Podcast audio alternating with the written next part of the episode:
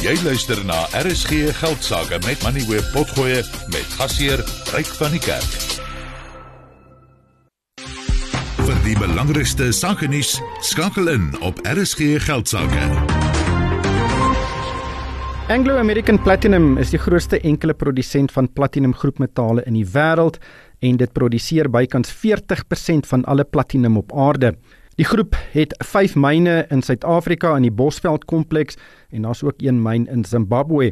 Die groep het vandag winssyfers vir 2023 bekend gemaak en dit onderstreep die gevolge van verlede jaar se 35% daling in die pryse van platinum groepmetale. Die omset het met 24% tot 124 miljard rand gedaal. Die wesensverdienste het met 71% tot 14 miljard rand geval. Die groep het 'n slotdividend van R9.30 per aandeel verklaar wat die totale dividend vir die jaar op R21.30 te staan bring en dit is 80% laer as in 2022. Die grootste nuus was egter Amplat se aankondiging dat dit sowat 3700 van sy 20000 werkers gaan afdank en dit verteenwoordig sowat 17% van sy arbeidsmag. Craig Miller is die uitvoerende hoof. Craig, thank you so much for your time. It was a tough year and many other miners have also announced significant declines in their profitability, but a 17% cut of your workforce seems significant. Can you put it into context? as we announced today, really as a measure of last resort, that we do need to restructure the company, and therefore we've entered into the process of having consultations and engagements under Section 189 of the Labour Relations Act. Uh, to really affect the reduction in people, in structures, and that's really in response to the decline in PGM prices and also the near term outlook for PGMs, particularly what's going on from a mac- global macroeconomic environment high interest rates, lower economic activity is certainly weighing on demand for PGMs in term from an outlook perspective. And therefore, we've needed to respond as a business in order to set ourselves up to be sustainable into the long term, because prices we know will recover, but we probably think they're a bit longer out than what we've probably experienced historically, and therefore setting ourselves up to be that sustainable company and restoring our competitiveness. The 17% cut in your workforce means virtually you will fire one out of every five workers you have. Have you ever cut the workforce to that extent in the past? Look, I mean, certainly the measures that we outlined today are very significant. I don't underestimate the impact that they have on so many of my colleagues, their families, and the communities where they live. But what's really important for us, taking into consideration the impact on the 3,700 people, but more importantly, around preserving the jobs and the economic contribution that we make for the 18,000 people that will be remaining as part of the business into the future. And as I've touched on, the economic contribution that we continue to make in South Africa, either through the payment of taxes to the fiscus or the ongoing salaries and wages that we will make, or the investments that take place in the community. So it is a difficult decision. It is significant. We don't underestimate just how difficult it actually is and the impact that it has. But really, it is important for us to be able to set up the business to be sustainable into the future and to benefit from when prices do recover. But it must be one of the most aggressive cuts Anglo American Platinum have undertaken in recent years. It's certainly very significant. I think the company has been through various restructuring processes over a number of years. And so for me, it's really around where the business is at the moment. We need to improve our productivity. We need to drive the efficiencies that are required for us to be able to withstand the current price environment. And that's really been the focus of the organization in the recent weeks as we've put together this proposed restructuring. It clearly is still subject to consultation with the affected employees, organized labor as well. And that's the process that we'll embark upon with them. And if there are opportunities to mitigate this, we'll be certainly open to, to understand what those could be. You've referred to the significant drop in the platinum group metal prices. I think the number that was used was around 35%, which the industry had to absorb last year. But how much of the decline in your profitability stems from the drop in prices, and perhaps how much stems from structural problems in South Africa, like electricity supply and logistics? So, look, the impact of prices was the most significant. So, as you pointed out, the basket price for platinum group metals reduced by about 35%.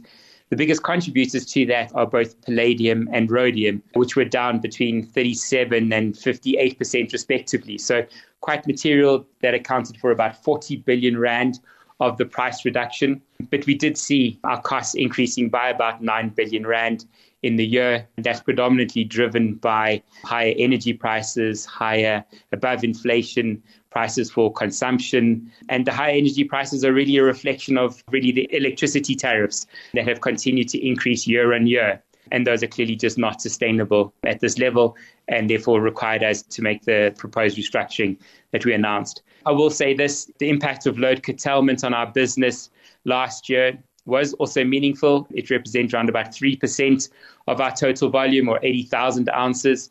So, yes, we have been impacted by load curtailment, as is the rest of the South African country. And that does weigh on the decisions that we've had to take as a company and outline today. 2024 is an election year. And of course, the ruling party is really trying to build a campaign based on job creation. So, this is not good news for them.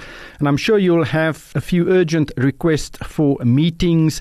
What would your response be in those meetings to justify these retrenchments? As has been obviously communicating with a number of stakeholders today as we've launched the process, the real important aspect for me is really setting the business up for sustainability into the long term. And I think people recognize that the decline in prices has been incredibly sharp in 2023. And we as a business need to be able to respond to that, just given sort of the market outlook. And that's really been part of the stakeholder engagement that we've had with so many stakeholders in the last couple of weeks. And certainly, we are protecting the business. We're protecting, as I said, the 18,000 jobs that will remain with the business post the implementation of this restructuring, and importantly, contributing to the South African economy in the long term. And that's really been part of the messages that I've been articulating to both those affected employees and so many of our other stakeholders. Yeah, those could be interesting meetings. And I think I'd love to be a fly on that wall. But let's talk about the prospects of PGM prices. Earlier, you said you don't foresee a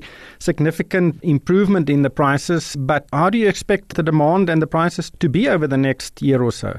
So our forecast is we've obviously seen prices decline this year because of the macroeconomic environment. We don't see very much an increase in demand for PGMs in the near term on the back of higher interest rates and people not necessarily buying new motor vehicles.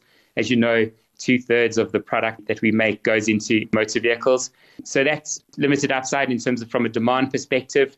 You do have the continued penetration of battery electric vehicles into the automotive sector battery electric vehicles don't have any PGMs in them today. And so therefore that's weighing on demand and actually we're forecasting that you know palladium, which is in a supply deficit this year, moves into supply surplus in 2025 and that is weighing on its price. So from a long-term perspective, however, we do fundamentally believe that the demand for PGMs is absolutely there, particularly as you transition to a greener, cleaner environment and the opportunity to decarbonize and the critical role that PGMs can play in that space, particularly from a hydrogen perspective, either through the generation of hydrogen or through mobility. And as we outlined, I think you would have seen some of the announcements last week in partnership with BMW and Sasol, we're trialing a fuel cell electric vehicle here in South Africa, and that fuel cell electric vehicle has PGMs in it. And so if we're able to have just 10% of future demand in automotives being driven by fuel cell electric vehicles.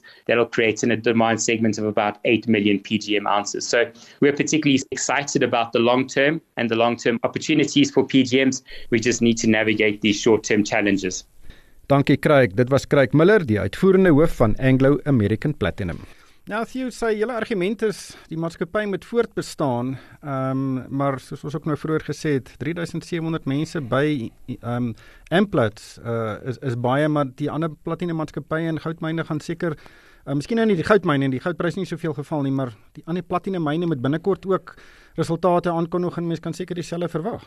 Ryk dis 'n tragedie. As jy vat, dis nou maklik om te praat van 3700 mense.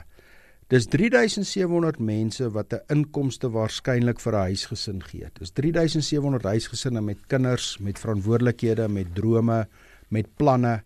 En die probleem daarmee is ons sit in 'n land met massiewe werkloosheid en sit hierdie daarbey, dan is dit 'n tragedie en gewoonlik waar jy die gevolge daarvan gaan sien, gaan op sosiale probleme wees en uh en dinge soos soos ongelukkig soos soos misdaad gaan gaan gaan moeiliker word om te bekamp in daai omgewings. So dis 'n tragedie, ryk. Dis 'n tragedie die feit dat die maatskappy dit doen om seker te maak hulle beskerm die res van die werksgeleenthede.